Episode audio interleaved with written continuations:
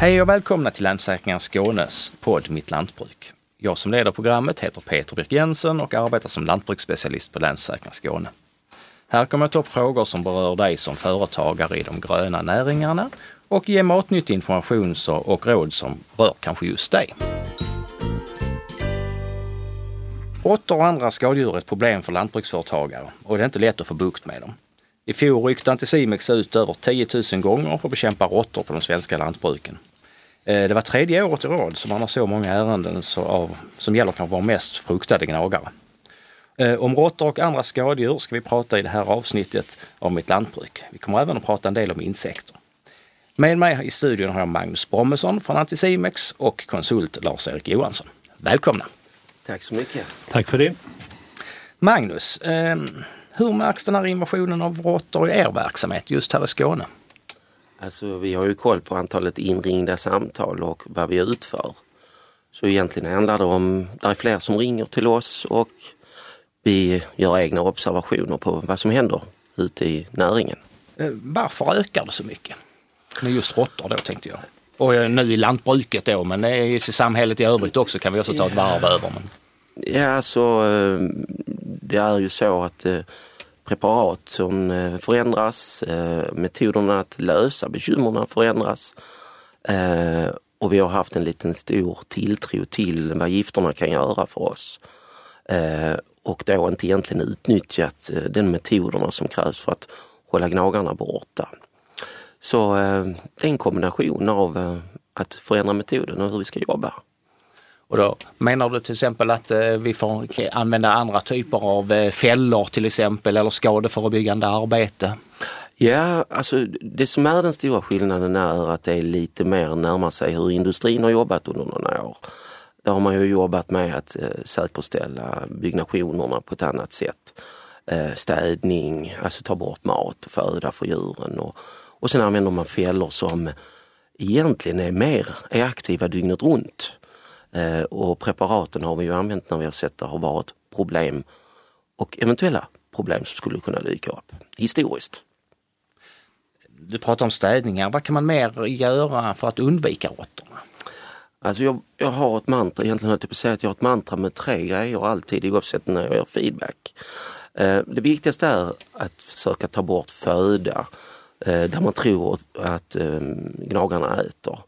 Det är också att jobba med byggnationen och frizoner, alltså vegetation runt och byggnader och sådant. Ehm, sen är det viktigt också att ha en typ av övervakningssystem.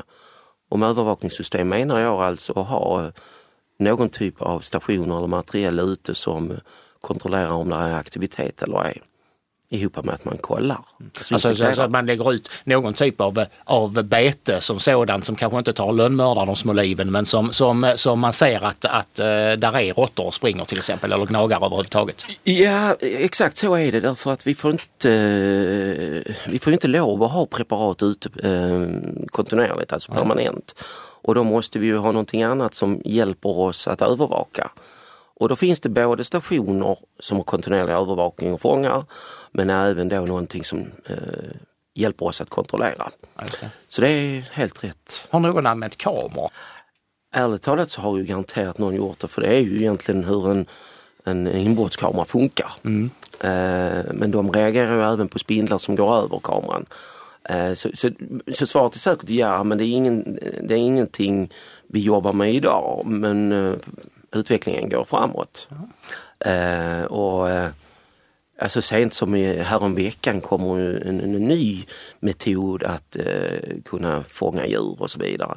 Så det går snabbt nu med utvecklingen och allting är icke-kemiskt för det är egentligen det som har varit huvudområdet från EU sedan bra många år tillbaka. Ja. Ser ni samma utveckling i andra länder? Eh, eh, till exempel det går i skrönor om att man kan köpa både det ena och andra på andra sidan sundet. Det kan man ja. säkerligen göra men just när det gäller att, att ta livet av, av gnagare. Alltså i princip kan man ju säga att eh, det som har hänt är ju att inget EU-land får använda bekämpningsmedel eh, för man vet att det är ett bekymmer. Och då kan det vara okej. Okay. Eh, för det är ju det som har hänt, man riktar medlen mot specifika arter istället för eh, mångspektra. Mm. Innan hade vi ju kommer jag ihåg bara för något år sedan man kunde handla preparat mot både möss och råttor. Ja. Och idag är det ju riktat till eh, djuret. Och det gör det ju faktiskt effektivare också om jag ska vara ärlig. Så att eh, resten av Europa lever under precis samma regler som vi. Sen kan vi inte säga vad man kan köpa och inte köpa men man får inte lov att och, och, och, och eh, använda det annorlunda i Europa än vi gör i Sverige. Mm. Nej, men det vi kan säga är att vi är lite efter i lagstiftningen. Och det är väl därför Kemikalieinspektionen har eh, eh, gett ut direktiven nu med utgångspunkt från att man inte får lov att ha preparat stående om man inte har bekymmer. Nej. Först och främst får man sanera när det är ett problem. Och det gissar jag att när ni kommer ut till kunder så är det som är vana vid att man sätter ut preparat eh, förebyggande så, så blir de eh, förvånade över att ni inte får lov att göra det längre. Ja, eh, och jag förstår att- man reagerar för har man under så många år lagt preparat oavsett om det har varit ett problem eller ej så är det ju en stor förändring att när man då måste börja jobba med det jag beskrev innan, övervakning, eh, metoder med utgångspunkt från det man egentligen är van vid. Det vill säga hålla ordning på hus och, och rengöring och ta bort foder. Eh, så vi, det är ju egentligen lösningen som du beskriver att eh, att det är en stor förändring. Men man får inte slänga preparat om inte det är bekymmer ute. Vad gör ni rent konkret när ni åker ut till en lantbrukare och ska se om vi kan få bort gnagare därifrån? Eh, Eh, vi, vi gör en, först och främst en riskbedömning. Hur eh, ser, ser det ut? Och riskbedömningen är ju egentligen först den teoretiska delen, vilka krav har lantbrukaren på sig? Och sedan så är det ju hur, eh, hur, hur hanterar lantbrukaren sitt lantbruk? Hur ser byggnationen ut? Hur ser det ut med växtlighet och frizoner? Hur ser omgivningen ut? Och så tittar vi också och försöker alltså skapa det här övervakningssystemet. Var finns bekymmer av gnagare eh, och var finns inte bekymmer av gnagare så att vi kan eh, lägga ut preparat där som finns bekymmer. Sen är det ju så att eh, vi måste också tillsammans eller eh, skapa en acceptans, det vill säga hur mycket råttor får finnas eller är det noll som ska finnas? Invändigt utgår jag från att man vill ha inget egentligen. Så kort och gott, eh, det handlar om dels en intervjudel, dels en egen uppfattning med våra experter som har jobbat många år med detta såklart. Och sedan så gör vi åtgärder efter det. Eh, Så är det uppbyggt. Så, sen inspekterar man, eh, håller sig uppdaterad och efter det så har man även då övervakningssystemet som man tillsammans kan bestämma åtgärder. Ja. Och, och sen är det ju så, vi har olika acceptanser eh, på hur mycket som får finnas och inte får finnas. Jag som har en nivå på att en råtta är en för mycket. Är det möjligt på ett lantbruk? Ja, det är det. Det är det ja. men det krävs ju också då den insatsen eh, efter det. Och det är ju faktiskt på det sättet att eh, i och med att metoder och det här sättet att jobba förändras så krävs det ju också mycket större insatser och tid och, och, och övervakning. Och det är ju klart att då, nå noll kostar eh, också. Så det är ju var brytgränsen går med utgångspunkt från vad man är, är är beredd att putta in i kraft och tid och pengar. Men noll går att lösa. Och för många, många år sedan gjordes det en analys som jag var med i, det är säkert 25 år sedan och då tittade vi på hur vi skulle kunna få noll fast inom fjäderfä. Och eh, vi lyckades. Eh, nu var jag tekniker så jag var inte experten i det läget. Men eh, det var en jättebra utredning och därför vågar jag säga att det går med noll men det krävs insatser av både saneringsbolaget och framförallt också då av eh, lantbrukaren. Så det är inte kört. Det är inte kört nej. Nej. nej. det låter bra det. Eh, Lars-Erik, har angreppen från andra skadedjur eller insekter blivit fler inom lantbruket? Det har det blivit och jag vill bara kom kommentera det Magnus har sagt här också när det gäller råttsidan. Så finns det en faktor till som kan motivera att jag måste göra extraordinära, extraordinära åtgärder och det är smittorisken. Vi har haft nu ett antal fall, inte direkt orsakat av råttor men andra djur som inte ska vara på gården som har gjort att det har blivit ganska eh, ödesdigra konsekvenser för en del djurhållare. Eh, det Magnus också pratar om det här med eh, att eh, man har lagstiftningen har skärpts och det finns ett biociddirektiv som säger det att, eh, och där pratar man om eh, område eller mark där allmänheten fritt får färdas. Det är det som är det viktiga och det har varit så tidigare sedan långt tillbaka att man skulle söka tillstånd hos den lokala miljö och hälsoskyddskontoren när man skulle göra någon form av behandling, bland annat i dagismiljö. Och en sån behandling tog tre månader och då hade getingarna hunnit försvinna innan man fick ett okej okay på det. Så det har kommit en skärpning som sagt. Sen vill jag också påstå, efter att ha jobbat i Tyskland i många år, att lagstiftning är en sak, verkligheten är en annan. Det går att få tag i eh, ganska häftiga gifter lite överallt och vi får, har ju fortfarande tillgång till, till gifter i Sverige eh, där man nu delar upp i råttgift och musgift. Vad skillnaden är har jag inte fått riktigt klart för mig. För det, de fungerar på samma sätt. Så att, eh, men det viktiga det är att man har rent runt husen. Mm. Det är det absolut viktigaste och att man ser till att det inte finns tillgång till föda och vatten, speciellt när det gäller råttor. Möss är en annan sak och möss ställer också till ganska stora problem. Eh, så det har ökat av den orsaken att man har inte tid. Eh, man tappar greppet på många gårdar. Närmiljön för, om jag säger så, krackelerar ganska mycket.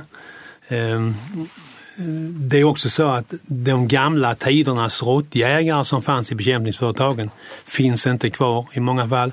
De har inte den tiden på sig som de hade förr. Och det gör det att, att ehm, gnagarna tacksamt tar emot detta och fortsätter föröka sig. Om vi släpper råttorna och tänker ja. mer på insekter, alltså vad hittar du när du åker ut till en lantbrukare eller ett spannmålslager överlag? Ja, jag, jag har ju inte den samma verksamhet som, som Magnus representerar utan jag blir kallad när det blir något problem. Mm. Eller hur ska vi förebygga? Och oftast är det då på, på spannmålssidan, fodersidan och där det ökar ganska markant, ganska kraftigt vill jag påstå. Och det är för det första på lagrad spannmål, där är det kornvivlarna som är det stora problemet ihop med två stycken mm, baggarter, en plattbagge och en mjölbagge. Eh, det som är också det stora problemet i fodersammanhang det är den lilla gråa fjärilen, måttfjärilen som ställer till det ganska mycket både på, i fabriksmiljö men även ute hos djurhållarna. Vad är det de kan ställa till med? Käkar de upp grudden eller gör, vad hittar de på? Eller? Ja, det är lite olika. Kornviven i sig är en extrem temperaturhöjare i lagrad spannmål och då får vi nästa problem som är värre än kornviven. Vi får ett mögelproblem. Mm. Och det är också ett, eh, vill jag påstå, nästan värre än både gnagare och, eh, och insekter. Ehm, plattbaggen eh, och mjölbaggen kan då inte äta sig in i spannmålskärnan som en kornvivel kan. Utan den äter den känsliga delen, grodden. Mm. Och det gör det att pratar vi maltkorn till exempel så är den totalt förödande att få in i ett lager. Och man kan säga att de sista åren så har sågtandad plattbagge varit den vanligaste orsaken till att behandla lagrad spannmål. Ja. Vad, vad, vad är orsakerna till de här angreppen? Dels är det så att, att äh, återigen att de stora gårdarna har inte den mängd personal, arbets, arbets vad ska jag säga, kraft, styrka som man hade tidigare. Och det gör det att många gånger så blir det kanske inte rengjort som det ska i lagringsbehållare och i transportsystem. Sen har vi också en eh, frånvaro av kontroll under lagringstiden och den kan man lösa mycket, mycket enkelt. Jag kan återkomma till det sen. Och eh, för det tredje, vilket vi inte kan styra överhuvudtaget, det är att vi har en klimat, klimatförändring på gång. Mm. Och vi har alltså värme långt ut på höstarna. Vi får många generationer extra av de här insekterna. Och eh, det gör det att eh, problemen ökar i lagrat spannmål helt enkelt. Och då får vi hela kedjan påverkad ända ut på fodersidan. Ja. Och då kan man säga som sånt att eh, insekterna antingen käkar de upp grudden, det är ett elände både i utsädesodling och malten ja. till exempel. Eller så det som är värre, det är att de skapar värme och det skapar kondens och det skapar mögel. Ja, rätt. Eh, hur upptäcker man angreppen som sådana? Jag som lantbrukare, jag, kommer, jag går ut där hemma, och, alltså hur, hur upptäcker det? Alltså råttskit, det ser man om man ska uttrycka det som sådant. Eh, hur ser jag det här? Ja, du tittar i din spannmål. Mm. Man kan lukta i den. Eh, spannmål ska lukta friskt och inte unket. Eh, när det börjar lukta unket eller mugget som man säger på skånska, då har man alltså redan ett fall igång med att kondensen har satt igång. Mögelsporer har vi alltid. Mm. Det finns överallt och de väntar bara på rätta betingelser. Det som är allra bäst egentligen och det man propagerar mycket för det är att ha en kontinuerlig mätning av temperatur och luftfuktighet i lagrad spannmål. För det, så fort det blir ett angrepp av insekter och eller mögel så sticker temperaturen direkt. Och det finns idag väldigt eh, trevliga system som inte alls är kostsamma och som är fantastiskt effektiva. Och fler och fler eh, spannmålsodlare installerar eller applicerar de här systemen. På, det finns både för planlager och för silobehållare. Temperaturövervakare kan man säga då som ja. plingar till i din mobiltelefon till exempel. Till exempel ja. då. Och då, då, kan du också i det här fallet, vilket jag tror kommer så småningom, att de som köper eller tar emot din spannmål, de kräver en viss form av dokumentation. Hur har det sett ut under lagringstiden? Och då kan du få ut en temperaturremsa mm. från det här systemet du har som du kan bifoga vid leverans. Titta så här har det sett ut under lagringstiden. Och då ser man att där är ingen temperaturhöjning. Då har det alltså inte hänt någonting. Har det hänt någonting, då måste man behandla spannmålen och då måste det ha ett intyg följa med spannmålen. Hur gör man? Det som är det enda saliggörande egentligen, det är att gasbehandla partiet för att rädda det. Eh, men det räcker inte. Sen måste jag då behandla behållarna och jag måste behandla införselsystemet i behållaren och i värsta fall då även utförselsystemet. För att de här baggarna har ju följt med spannmålen. Hela vägen ja. ja där spannmålen har varit, där har vi baggar. Men som sagt gasning med fosforväte och det sker en ganska dramatisk ökning av antalet gasningar i Sverige på de sista åren. Är det en dubbling eller har du en uppfattning om det? Jag har lite uppfattning. Jag har varit i kontakt med några som säger det att eh, till exempel bara en liten eh, behandlare eller leverantör År 2015 så behandlade de 70 000 ton spannmål och då var det kornvivel som var nummer ett. År 2016 90 000 ton. 20, ja. Och då var det sågtandad plattbagge. Eh, I år, januari, 5 000 ton. Så det fortsätter att öka alltså. Och det är klart som jag sa tidigare, har det blivit några generationer extra året innan så ligger de och väntar. Ja, och sen drar det igång snabbt. Ja. En annan större leverantör gasade 2015 125 000 ton. Eh, 16 250 000 ton cirka. Och det är en fortsatt ökning sedan 2017. Så det här är ett problem som ökar hela tiden. Kanske inte bara för att insekterna ökar men vi har fått mer öga på dem, då upptäcker vi fler. Ja, vi gör det. ja. Därför att den som är mottagare, du är idag inte som spannmålsodlare direkt gammeldags spannmålsodlare längre. Du är ju faktiskt en leverantör till en kund. I många fall betraktas man som ett råvarulager till sin kund. Och kan man då inte leverera då blir det ganska kostsamma ersättningar jag måste på, äh, lägga upp så att säga för att kompensera den kund som inte fick det han skulle ha. Magnus, äh, ni sysslar ju med getingar och andra insekter också givetvis, men även, är ni även ute i spannmålslager och arbetar? Alltså vi utför ju såklart de gasningar som äh, Lars-Erik beskriver. Mm. Eh, och, och framförallt är det ju det transportsystemen som ibland är boven i dramat för man har fokus på själva silosen så att säga. Så det är precis vår erfarenhet också. Och jag tror ju personligen att utvecklingen går även om vi går tillbaka till råttor till samma mönster att man kommer på något sätt kräva att, eh, att det har varit hyfsat råttfritt ur smittoperspektivet det som levereras. Ja. Inte bara eh, ur insektsperspektivet. Jag tror vi går ditåt. Eh, det är ju alltid besvärligt att få in skadedjur på, på sin gård, men det går ju att få hjälp. Det går ju att få hjälp av, då, av eh, Anticimex och andra aktörer som sådant. Vad kan vi göra försäkringsmässigt då? Ja, när det gäller råttor så har vi Länsförsäkringar Skånes eh, eh, lantbruksförsäkring som ingår där ett saneringsuppdrag och eh, det kan ju vara att eh, man får kanske komma ut två gånger för att få omkull råttorna till exempel eh, från Anticimex då. Eh, är det så att det blir fler och återkommande problem med, med attacker av råttor då behöver nästan lantbrukaren, eller behöver lantbrukaren ha sitt eget avtal eh, med, med Anticimex eller någon annan aktör då.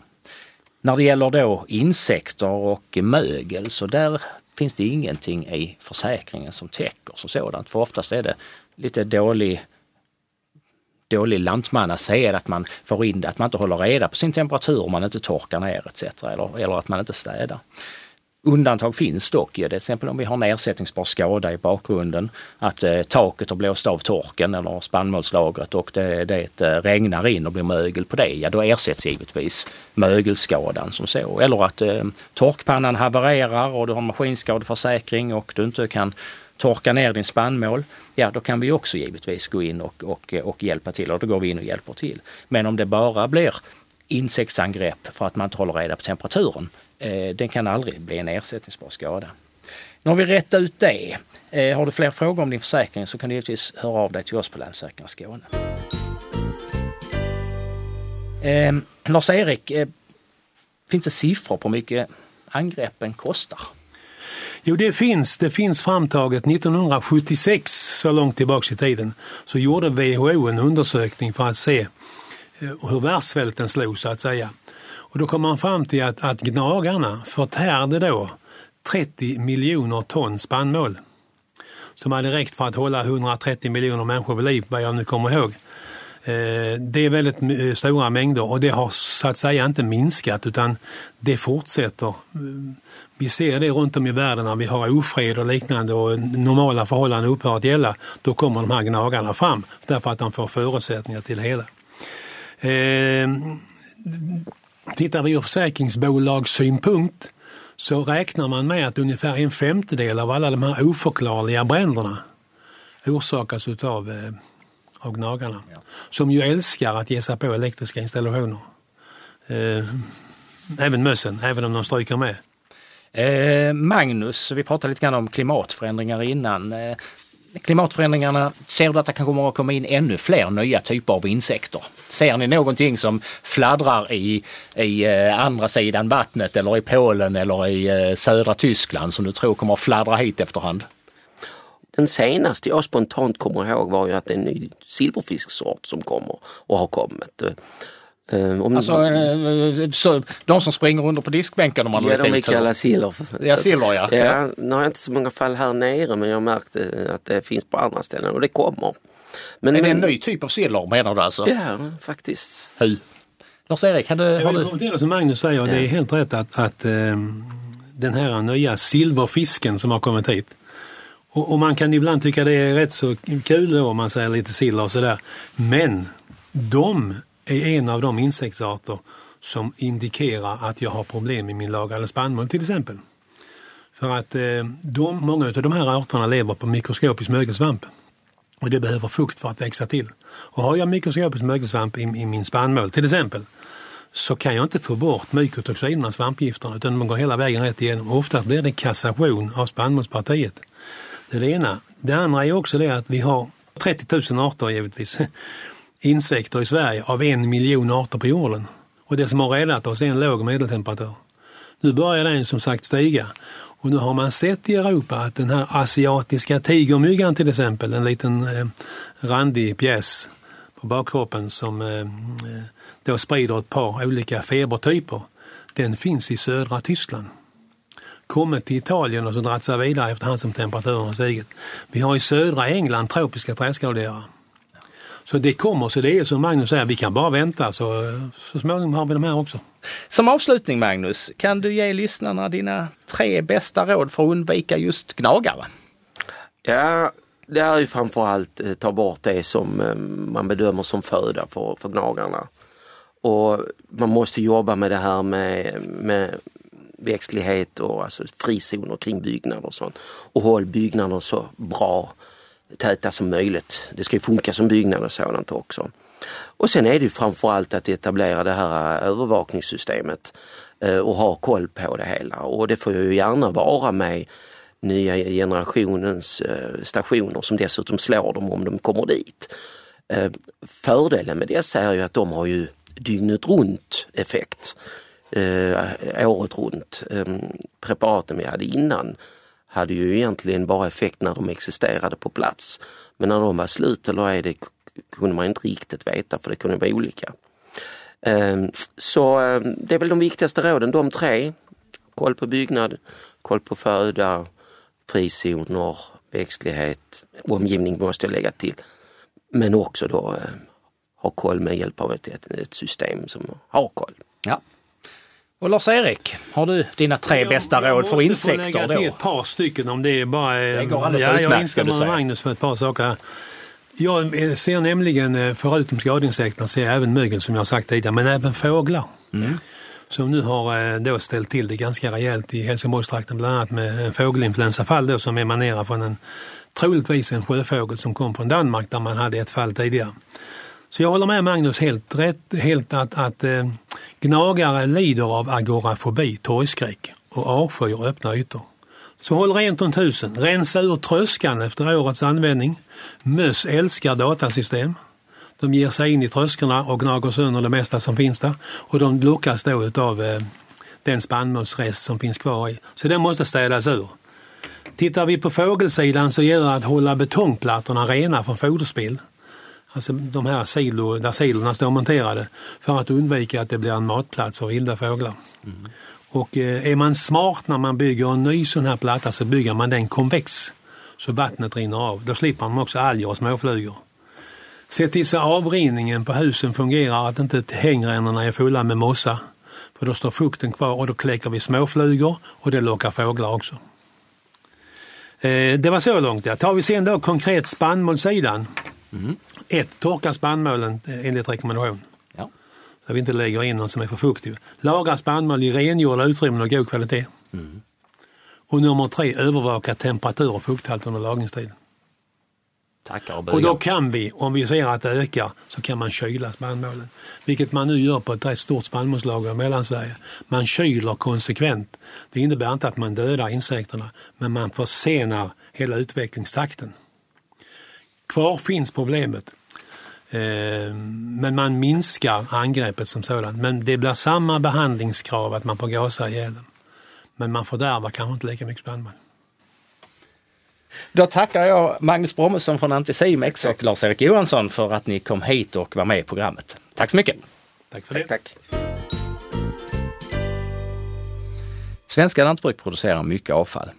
I alla fall om man får tro resultatet av Länsförsäkringar Skånes samarbete med stiftelsen Håll Sverige Rent. Det syftar till att samla in och återvinna skrot från lantbruket och ta hand om miljöfarligt avfall på våra gårdar. I fjol samlade Håll Sverige Rent in över 3000 ton skrot och 450 ton miljöfarligt avfall från våra lantbruk i Sverige. Du som har tecknat lantbruksförsäkring hos oss har automatiskt en återvinningsförsäkring och kan få ditt skrot hämtat helt gratis. Bara du anmäler före den 13 mars. Så gör det och hjälp oss göra en insats för miljön. Mer information om hur du lämnar skrot hittar du på vår hemsida. Det var allt för idag. För att inte missa ett avsnitt av Mitt Lantbruk kan du prenumerera via Podcaster eller Acast. Det går även bra att lyssna på podden via vår hemsida lansförsäkringar.se skane mitt lantbruk. Jag som har hållit i programmet heter Peter Birk Jensen och jag tackar för att ni har lyssnat. På återhörande.